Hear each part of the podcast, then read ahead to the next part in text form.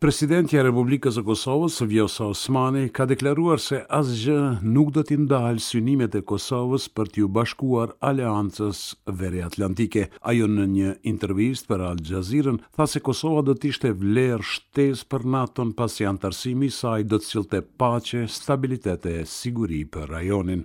Adding Kosovo and Bosnia Hercegovina, to this family uh, of NATO would only bring better days for the entire region, which means better days for the entire European continent, more peace and more security for, for the entire continent.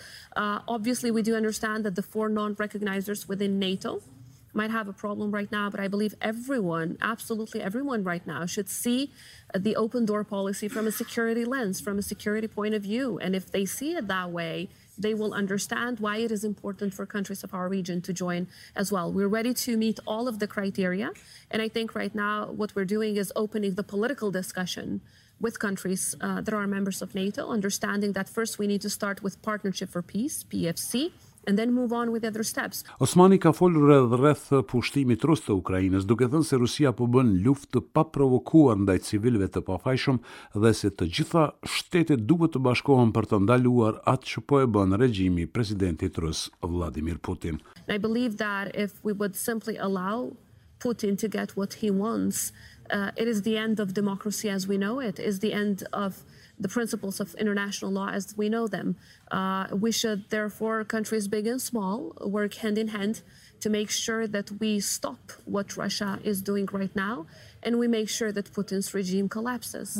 Presidentja tha se Rusia do të vazhdojë të kërcënojë të gjitha vendet e rajonit dhe të tjerat që duan të anëtarësohen në NATO. Kryeministri i Kosovës Albin Kurti në një intervistë për gazetën prestigjioze franceze Le Monde ka folur për zhvillimet në Ukrainë dhe ndikimin e saj në vendin tonë dhe Ballkanin Perëndimor. I pyetur nëse lufta në Ukrainë mund të ngjallte një konflikt në Ballkan, Kurti tha se Rusia mund ta bëjë këtë duke përdorur Serbinë dhe pa pasur nevojë që të përdorë rezervat e saj ushtarake. Kuvendi i Kosovës votoi projektligjin për kompensimin e viktimave të krimit. Deputetët me shumicë votash miratuan edhe projektligjin për pronën publike dhe projektligjin për bashkëpunim juridik ndërkombëtar në çështjet civile. Por, mosmiratimi i ligjit për paga, mosngritja e pagës minimale dhe lejimi i tërheqjes së një pjese të kursimeve të qytetarëve nga Trusti janë tri çështje shqetësuese për Aleancën për Ardhmërinë e Kosovës, të cilat presin zgjidhje. Shefi i grupit parlamentar të AAK-së, Besnik Tahiri, në një konferencë për media para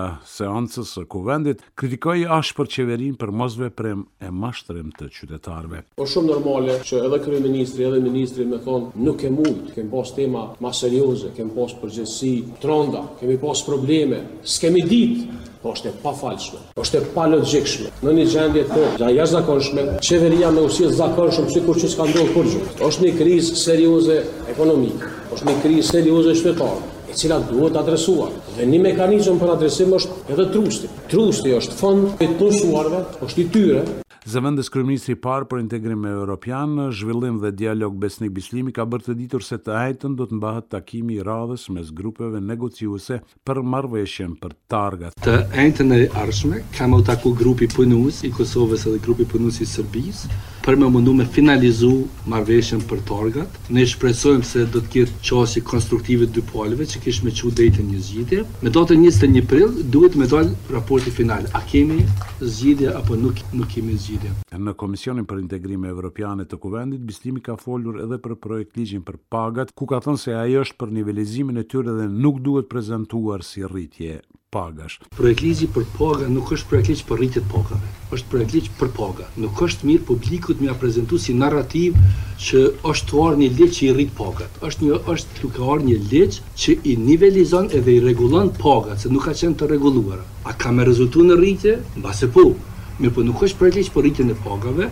Ai ka thënë se Ky projektligj po vonohet pasi që po duan ta përpilojnë një ligj cilësor.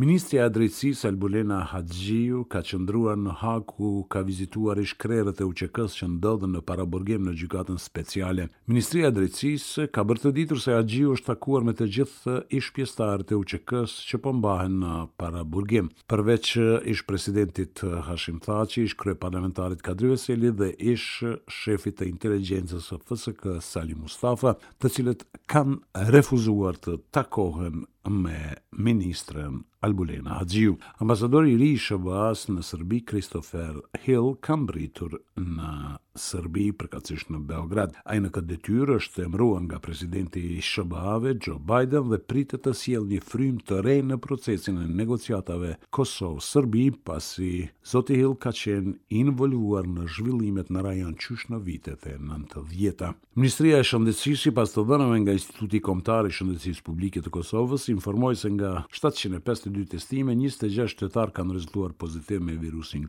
Covid nëntëmbëdhjetë, gjatë njëzet e katër orëve të fundit është shënuar një rast i vdekjes. Për Radion SBS Mendu Hysa, Prishtinë.